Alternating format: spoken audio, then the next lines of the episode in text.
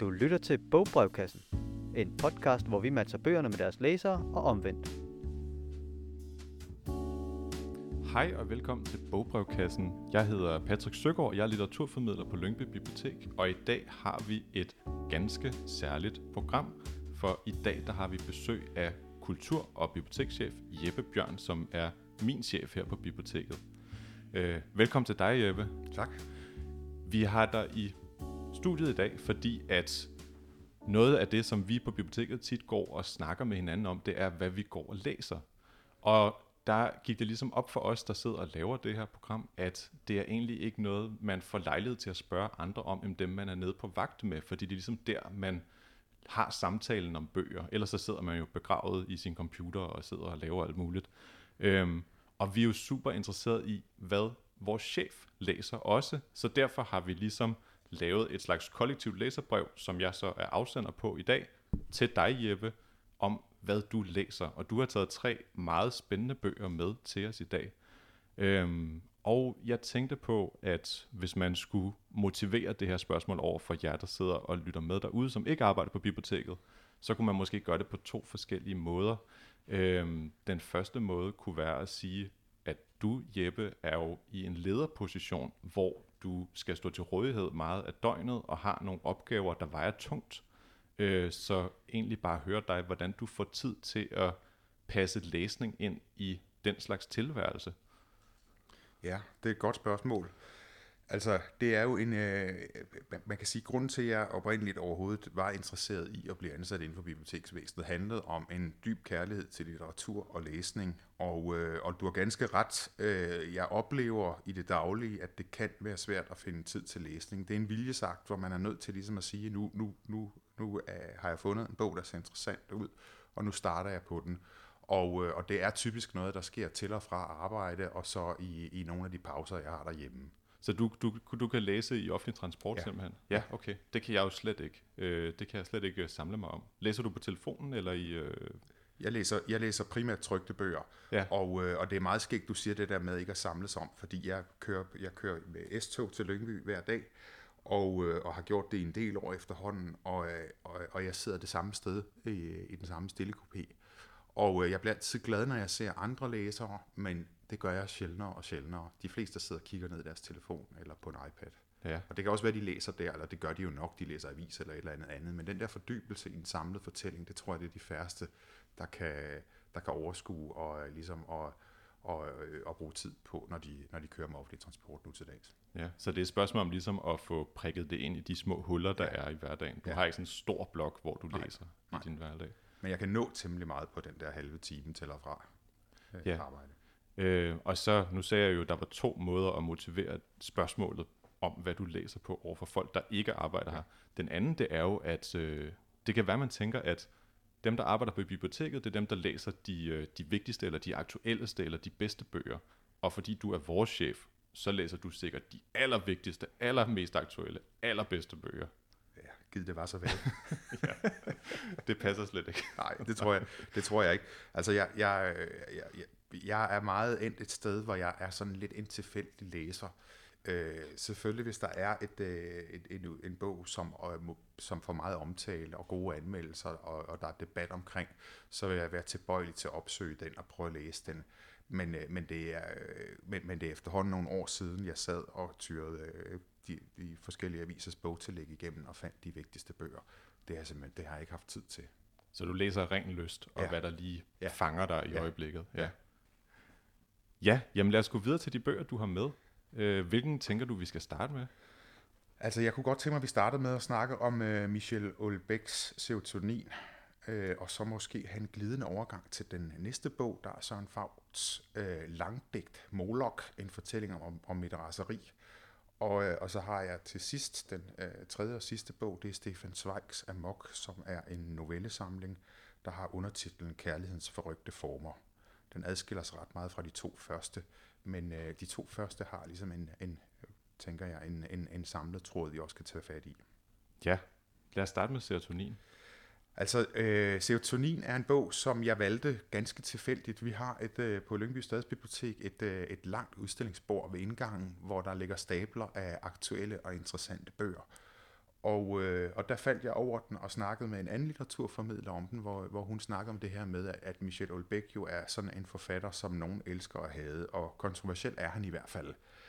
Øh, jeg lånte den en fredag og gik i gang med at læse den om lørdagen, og, og, og det, jeg læste den igennem på, på, på den ene og samme dag, og øh, fandt den rasende fascinerende. Hvis jeg skal sige lidt om den, så er det en bog, øh, som rummer flere lag. Øh, den adskiller sig lidt fra bøg, de bøger, jeg normalt læser ved, at det er en utrolig aktuel bog. Den beskriver øh, et, et fransk samfund i, i opbrud, øh, en konflikt mellem land og by. Øh, der er også noget, der ligesom handler om de gule veste, og så, øh, og så handler den også om øh, den midalderne mands eksistentielle krise, hvilket måske er noget, jeg kan identificere mig lidt med. Øh, hovedpersonen, han hedder øh, Florent Claude Labrouste, og han er 46 år gammel og ansat i Landbrugsministeriet på en konsulentaftale, som er utrolig indbringende for ham. Han har en smuk, 20 år yngre japansk kæreste, og han er simpelthen så træt af det hele. Ikke mindst sig selv. Og øh, da den her øh, utilfredshed med det hele øh, har stået på et stykke tid, så begynder han at fantasere om at slå sin kæreste ihjel. Og han, øh, der sker sådan forskellige ting i handlingen, men det ender altså med, at han finder ud af, at hun er ham serielt utro til nogle sexfester i, øh, i, i den øh, franske overklasse, og han finder nogle ret sådan grafiske sexvideoer. Og øh, der tænker man, okay, nu sker der, nu, nu gør han noget dramatisk, men ikke engang det hisser ham sådan for alvor op. Han tænker bare, nej, nu gider jeg slet ikke. Og så ser han sin lejlighed op, ser sit job op, og øh, forlader sådan set den her unge kæreste, uden at øh, fortælle hende hvorfor, og flytter ind på et hotelværelse, hvor det primære krav er, at man gerne må ryge. Og, øh, og, og i det hele taget, så er, øh, så er, det, er det her en tilstand, hvor man kan sige, at han bare forlader det hele. Og, øh, og det udspænder der så en handling på, på baggrund af det. Ja. Og øh, det er bare en spændende bog. Ja, fordi jeg har jo lyst til at spørge, det er jo voldsomme ting, altså det er jo nogle øh, voldsomme hændelser, der er på handlingsniveau. Er det, er det det, der ligesom fanger dig, at det har det her groteske, spektakulære plot, eller er det nogle andre ting, du ligesom får ud af det? Altså det, det, jeg, det jeg tror, jeg, der fangede mig ved den her, det var, at den på mange måder er en meget let woke-bog. Øh, han er øh, vild med at ryge, han gider ikke at affaldssortere, øh, han kan godt, øh, han, han er meget, meget tilfreds med sin store bil. Øh, Øh, han har en stor Mercedes med mange cylinder, en rigtig benzinsluger, og så øh, indkvarterer han sig så på det her hotel i en, en, en semidepressiv tilstand, og, øh, og, øh, og, og titlen til bogen, den, den, øh, den hedder Serotonin, og, øh, og den handler om, at han øh, hovedpersonen han opsøger en læge og får en recept på et antidepressivt middel, som hedder Captorix. Og, øh, og det skal ligesom udløse serotonin i hjernen, og det skaber stabilitet i hans tilværelse og fjerner lysten. Ja. Og det er jo også sådan et fransk, på mange måder et fransk tema, det her. Ja. øh, og øh, og så, så, så bliver det så skildret, hvordan han ligesom går igennem tilværelsen, øh, hvor han bruger utrolig meget tid på at fantasere om det, der kunne have været. Ja. Og det er også sådan noget midtvejskrise-tema, som jeg også måske på en eller anden måde finder lidt interessant, og man måske kan have lidt identifikation med. Ja, og det er jo interessant, du siger det med, der kunne have været, fordi da du øh, beskrev bogen til at starte med, der sagde du, at det er en mand, der har det hele, ja. men at intet af det fanger ham. Ja. Hvad er det så, hvis han har i godsøjne det hele, hvad er det så, der kunne have været Altså det er primært nogle parforhold, hvor han beskriver en, øh, en, en mere oprigtig kærlighed, end den han oplever med sin øh, 20 år yngre japanske kæreste. Ja. Nogen, nogen, som måske elskede ham mere betingelsesløst, og som han også elskede, men som han på en eller anden måde får det ødelagt med.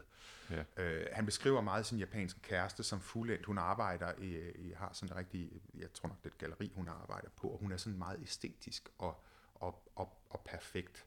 Og, øh, og i starten har de et øh, meget øh, aktivt sexliv, og det, det holder så også op. Og til sidst så keder de bare hinanden helt vildt. Øh, og og, og det, det er ligesom den der tilstand, det hele udspringer af. Der er så en, øh, også en anden dramatisk øh, forhistorie, som måske også kan forklare lidt hans sindstilstand. Det er, at han oplever som øh, ung mand, at, øh, at begge hans forældre begår selvmord samtidig, fordi faren får en kræftsygdom, og, øh, og moren og faren beslutter sig så for at øh, begå selvmord, og der tænker man jo så, at øh, de har elsket hinanden højt, og de elsket hinanden mere, end de elskede den her søn, som de efterlader forældreløs. Og det giver måske også øh, måske et afsæt for en, for en vis tristesse, tænker man. Det kunne man forestille sig. Det, det, det lyder ikke øh, godt for et barn. Men det er, jo, øh, det er jo klassisk Ølbæk, de her temaer med den personlige lykke og den vestlige form for lykke, som er meget driftsbaseret og materiel, og søgen efter noget autentisk i alt det her, og, og, og, og, og fejlslagenheden i den søgen. Øhm, så på den måde så er det jo virkelig en bog, der lægger sig i forlængelse af hans forfatterskab. Det er hans seneste roman. Ja. Ja, altså det er den eneste bog, jeg har læst af ham. Jeg, jeg prøvede med en af de foregående, jeg, han skrev en for nogle år siden, som, er, som handler om, hvordan øh, islam overtager det franske samfund, og den gik jeg i gang med og fik, fik ikke færdiggjort. Så man kan ikke sige, at jeg er velbevandret inden for hans forfatterskab, men, øh, men den her, den fangede mig bare, og den er både, den er både meget, meget grum, og så er den også, synes jeg, meget morsom. Og, øh, og den balance kan jeg sådan set meget godt lide. Øh, der, der er nogle passager i den, som, øh, som ligesom, der er meget sort humor i bogen, og det øh, synes jeg også er fedt. Ja, altså da du skrev til mig, at, øh, at du ville have den her bog med, der fandt jeg med det samme en, der ligesom svarer til, fordi jeg vil jo ikke møde fuldstændig uforberedt op til en samtale med min chef. Så jeg har øh, taget den med, der hedder 11. roman, bog 18, af Dag Solstad, den store norske forfatter Dag Solstad, fordi den minder rigtig meget om serotonin, men på en lidt skandinavisk, lidt mere afdæmpet måde. Og det var virkelig fantastisk, at du sagde i starten der med, at det er en mand, der har alt, og han kan ikke se ideen med at, have, med at have det, og kan ikke finde lykke i det, for det er det samme, der sker i den her bog, øhm, som som sagt har det her meget specielle navn, 11. roman, bog 18, som er lidt svært at huske. Og der er nemlig også, ligesom i serotonin, en hændelse, hvor øh, hvad skal man sige, hovedpersonen vælger at tage sit liv i egne hænder, for ligesom at tage en eller anden beslutning endelig. Øh, så den er i hvert fald øh, oplagt at vælge, hvis man vil have noget ligesom serotonin, hvis man allerede har læst den, eller synes, det lyder for voldsomt. Øh, jeg tænker på, om vi skal gå videre til den næste bog, du har med. Ja. Øh, Moloch øh, læste jeg, fordi den, jeg fik den anbefalet af en forfatterveninde, som havde læst den, og som sagde, at den var utrolig god. Og, øh, og jeg er ellers ikke øh, nu, den, øh, den, på daværende tidspunkt, der blev den også anmeldt i, øh, i Berlingeren, og der hæftede jeg mig ved, jeg kan ikke huske det ordret, men jeg tror nok, at anmelderen skrev, at øh, Søren Faut var raseriet og selvudleveringens ypperste præst. Ja. Og det tænkte jeg, det skudsmål, det er virkelig sejt at have på sig. Det vil jeg godt have stående på mit visitkort. Ja. Og, øh, og det, er et, øh, det, det er beskrevet som værende et langdigt. Og, øh, og det er også, hvis man kigger på bogen, den, den er sådan meget, det, det er en meget fin, øh, aflang bog. Øh, og den er også sat op som om, at det er øh, en digtsamling. Men det er et eller andet sted, det er, det er, øh, det, det er en fortløbende fortælling, og man kan læse den som en roman. Så hvis man sidder derude og lytter og tænker, jamen det, det, det her det er sådan nogle digte, det er svært, svært at komme ind i, og hvor man skal læse dem flere gange for at forstå meningen, så er det ingenlunde tilfældet. Det er sådan en lang monolog, og, øh, og, og den handler om, at øh, Søren Fagt øh, øh, oplever, at hans øh, kæreste eller kone er ham utro, og øh, det udløser et øh, stort raseri, som han prøver på at komme igennem ved at tage til Spanien for at køre på cykel. Og, øh, og man, øh, man får lange beskrivelser af øh, øh, de her cykelture og, og den her, øh, de tanker, han gør sig, mens han cykler og mens han er i Spanien.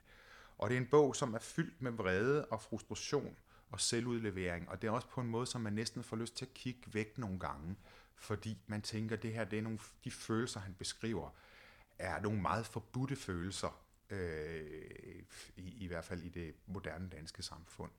Øh, Søren Fagt, han er jo en, en, en øh, både lært og belæst person, og, og, og man fornemmer også, at nogle af de her fantasier, han har, hvor han har lyst til at slå den her mand, som er løbet af med hans kone, altså det, det, det er nogle følelser, som også er meget skamfulde øh, for ham, og, øh, og jeg synes, de der skildringer af raseriet er befriende, fordi at raseri og især det mandlige raseri er jo en lavstatusfølelse i dag. Ja, bestemt. Og øh, ja, som du sagde om Michel Ølbæk, at han er anti-woke. Det er helt klart også anti-woke at ligesom stå ved den grimme følelse. Det er at være rasende mand. Ja. Og jeg, jeg synes, der er mange tokrummende scener i bogen. Og, og i virkeligheden, så, så øh, nu siger jeg, at man får lyst til at kigge væk nogle gange, men man trækker også på smilebåndet, og, man, og nogen vil måske også kunne, kunne, kunne grine undervejs, fordi han også selvironisk, øh, og, øh, og, og jeg, jeg tænkte lidt i går, da jeg, da øh, ligesom mentalt var i gang med at forberede mig til den her samtale, så tænkte jeg lidt, om man hører samtidig folk, der griner, når de ser et trafikuheld, og ikke ja. kan forklare bagefter. Og jeg ved ikke, om det er lidt den samme følelse, handlingen her kalder på. Det er ikke en bog, hvor man ligesom bliver meget sjælemæssigt oprevet, øh, men, men den, er, den er grundlæggende interessant, fordi øh, man, man får et kig ind i en, øh, ind i en mands reaktion på, en, på, på noget, der må sige at være en meget ubehagelig hændelse, og det gør man sgu ret filterløst, og det er bare Ja. rigtig vedkommende. Og nu stjæler jeg en pointe fra en anmelder, som øh, det er Camilla Løfstrøm, som har bemærket det her med, at det er en bog, der lægger op til, at det er utrolig privat. Samtidig så er undertitlen en fortælling om min vrede. At der, og det er jo et øh, ord, som i hvert fald forfatter lægger rigtig meget i, at det er en fortælling. Altså det er også, der er et lag af fiktion. Ja. Øhm, og på baggrund af det, der har jeg lyst til at spørge dig, når du læser den, fordi at jeg får indtryk af, at det er en utrolig privat bog. Får du indtryk af, at Søren Faut er der en til en, når han sidder og skriver det her? Eller har han ligesom en distance til den vrede og de øh, øh, grimme følelser, han giver udtryk for? Det, det er et rigtig godt spørgsmål, og, øhm, og, og jeg, tænkte, øhm, jeg, jeg, jeg tænkte også, da jeg læste den, fordi på, på den ene side, så er den, øh, så, så beskriver den meget fint øh, de følelser, han selv har omkring det, at han bliver gjort til handrej. Øh, men den er også, den er, men, men man tænker også, der er også et, noget redigeret i det, fordi så frem i fald det er en en-til-en beskrivelse af et forløb, han selv har haft i sit eget parforhold, så har han også børn, og det skriver han også i bogen. Og på den måde, der har han også skildret, altså, øh, det er muligt, han er vred og rasende, men han fornedrer ikke sin kone, for eksempel. Han, giver ikke et, han har ikke nedrige beskrivelser af hende. Der er en forfærdelig, der, der er et, et, et, et, et virkelig, virkelig langt ude beskrivelse af, hvordan han så møder den her nye mand, som konen har mød, mødtes med, og hvordan den her nye mand ligesom mener, at nu kan de snakke fælles om, om det, de har været igennem. Og, så, og så, Søren Fag kan bare slet ikke rumme det, har bare lyst til at, at, at, at, at smække ham en. Og det er, øh, altså, det, det, det er skrabsager. Ja, øh, det, det lyder også ret voldsomt. Men hvis jeg skal svare på de spørgsmål, så tænker jeg, at der er nogle lag, der, der er pillet ud, fordi han selvfølgelig stadigvæk har en, han har stadig en familie, og han har også nogle børn, som skal kunne læse den her bog.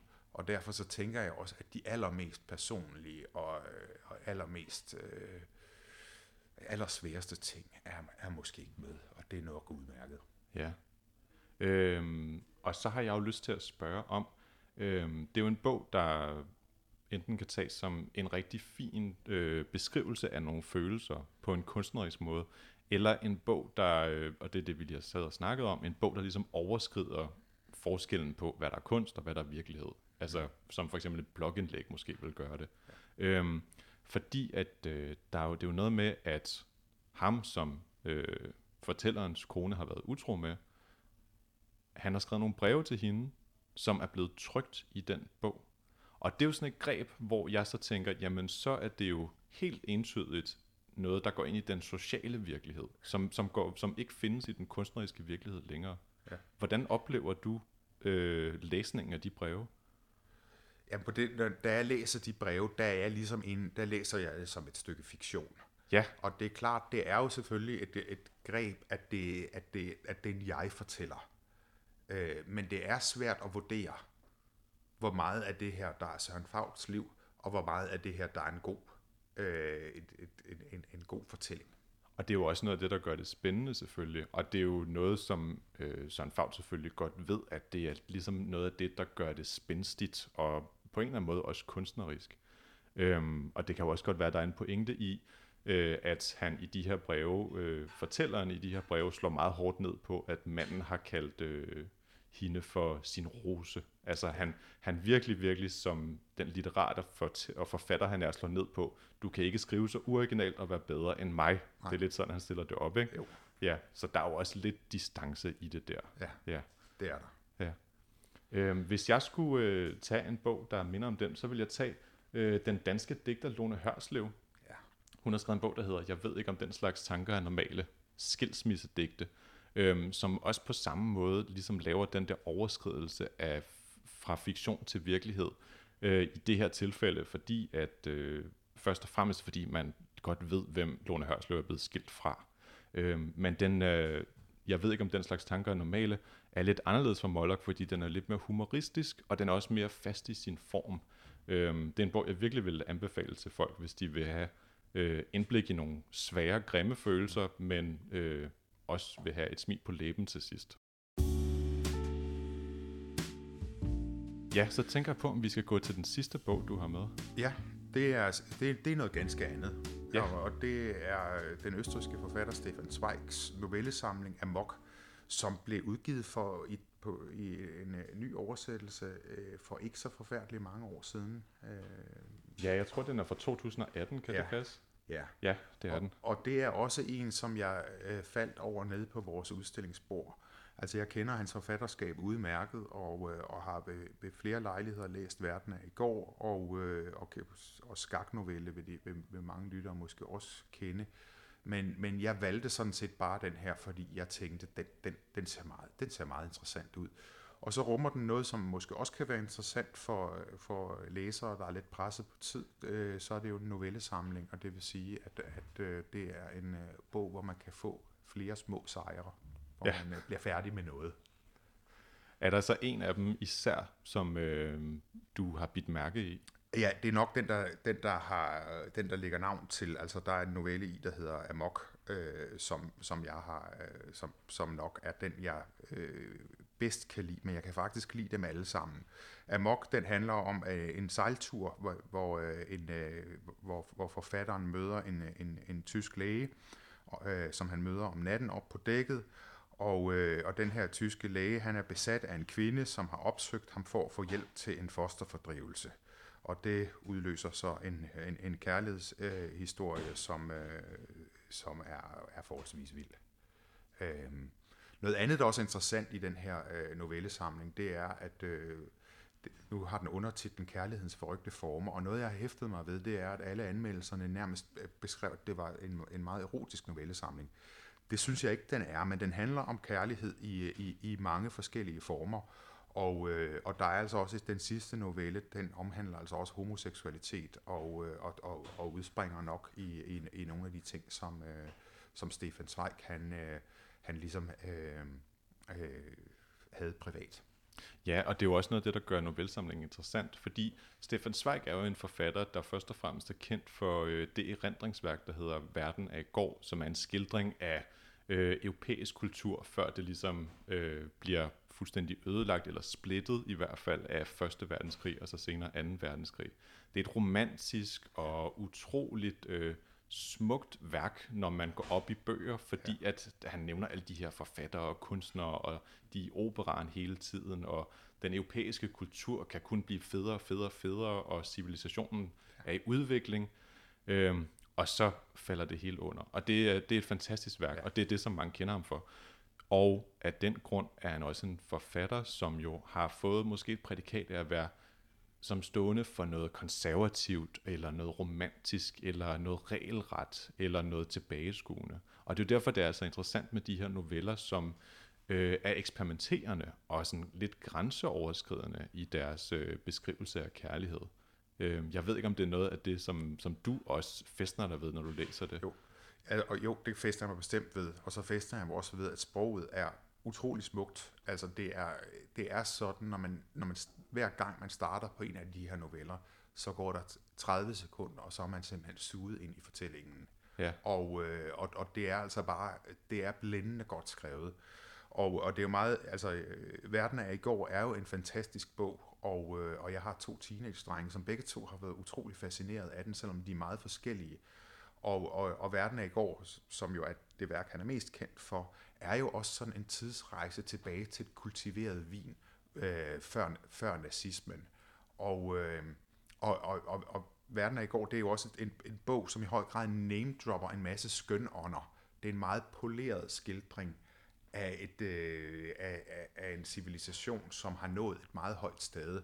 Og der, øh, der er måske lidt mere kolorit på, øh, på persongalleriet i Amok og, og, og på den handling, der er. Ja, og er, er det så underholdningsværdien i de noveller, som ligesom tiltaler dig? Eller får du noget tankegods ud af det? Eller er det følelsen af at sidde og læse dem? Altså det, begge, det, det, det kan man sige, det er det hele. Øh, nu, nu, de to første øh, bøger, vi snakkede om, det handlede jo meget om, øh, om nogle mænd, som er nogenlunde på min alder, og, og som lever i den samtid, jeg også lever i. Og, og der er det jo noget andet i de her Stefan Zweig-noveller, øh, fordi de foregår i, i en tid, som ikke findes mere. Og for eksempel novellen Amok foregår på sådan en oceandamper, øh, som jo er en rejseform, man ikke har mere, og den beskriver også nogle af de der sociale relationer, der opstår på en længere sørejse. Det er også det, der sker i skaknovelle i øvrigt. Og på den måde, der er det jo, en, øh, der er det jo ligesom øh, fiktion og en rejse tilbage i tiden. Når det så er sagt, så nogle af de, øh, nogle af de relationer, han beskriver, og nogle af de mekanismer, der er i de relationer, er jo noget, som nok er eviggyldigt, og det tænker jeg også er interessant her. Er det noget, du ser, øh, uden at det skal blive for privat, er det noget, du ser omkring dig? Altså, genkender du nogle mennesker øh, i de noveller, eller er det ligesom forståelsen af kærlighed som sådan? Jeg tror, det er en forståelse af kærlighed som sådan. Der er også den, den, den, første, øh, den, den første novelle, øh, handler om, den hedder øh, øh, Brændende Hemmelighed, og den handler om en, øh, et, et, en mor og hendes søn, som øh, tager på et kurophold, og der møder de en ung baron, øh, som er kedsomhed gerne vil øh, have et forhold til moren til den her dreng. Og han bruger så øh, drengen som indgang til at komme i kontakt med moren. Og da drengen, den her øh, øh, teenage-dreng, han opdager, at han er blevet misbrugt til og ligesom at være et redskab til, at baronen kunne score moren, så bliver han utrolig vred og, og hævner sig på dem begge to. Og det ja. tænker jeg, at, øh, at, at, at det der, øh, den der gryende opdagelse af det erotiske, som den her dreng, han, han øh, oplever i novellen, det tænker jeg, det, det er i hvert fald øh, noget eviggyldigt, og, og noget, som også er tankevækkende.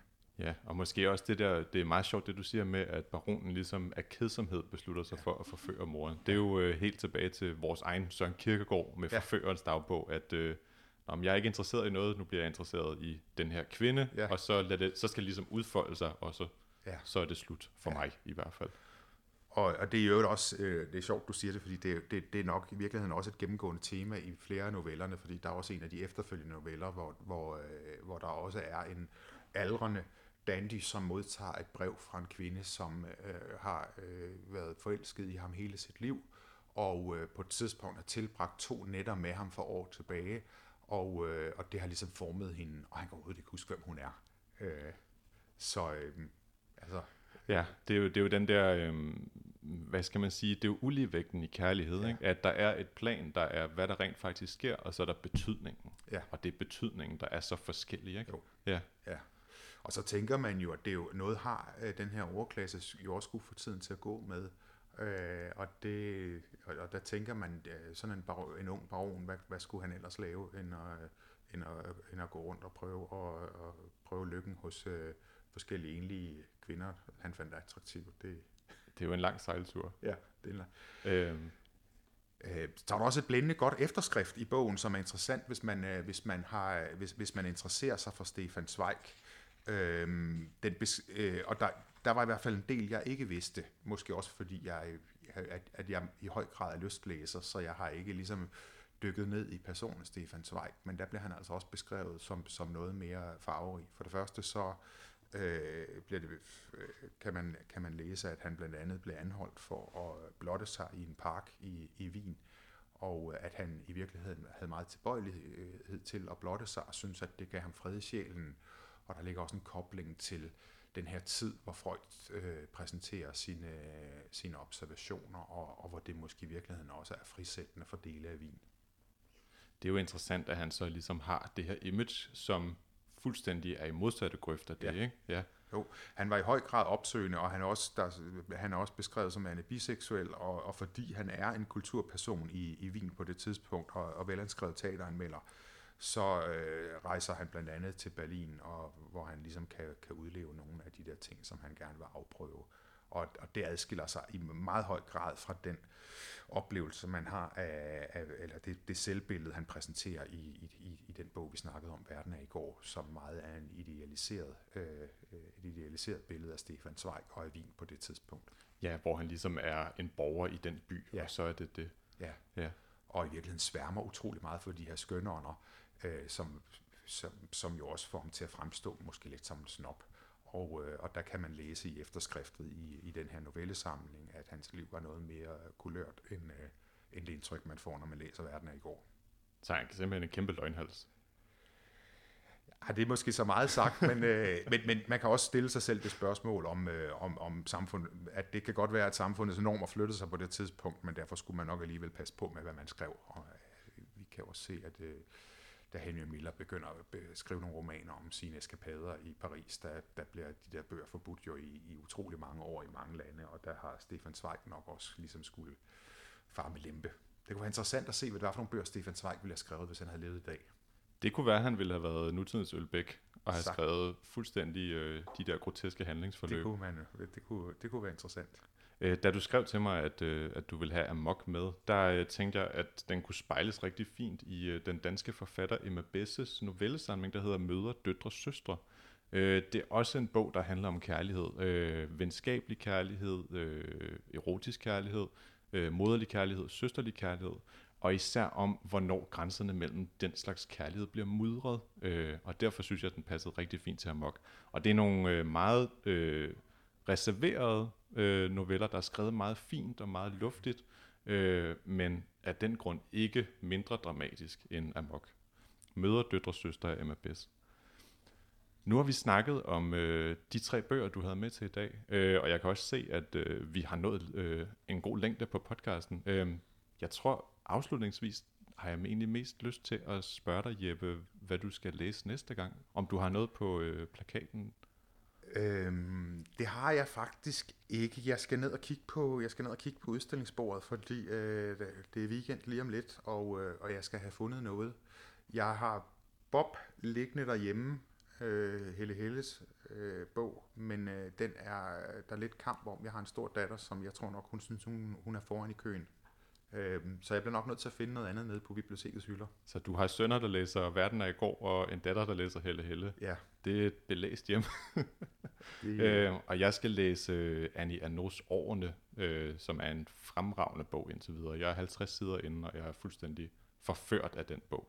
Uh, det er en fransk forfatter, der har uh, beskrevet sin opvækst i Frankrig på nærmest kosmisk vis. Det er helt, øh, øh, man bliver helt ør af at læse den, altså og skrevet helt fantastisk. Det lyder meget interessant. Jeg håber, vi har flere eksemplarer, fordi det kunne godt være den, jeg går ud og leder efter nu. Ja, vi må gå ned og, og ja, kigge efter det. Ellers må vi jo have bestilt nogle flere.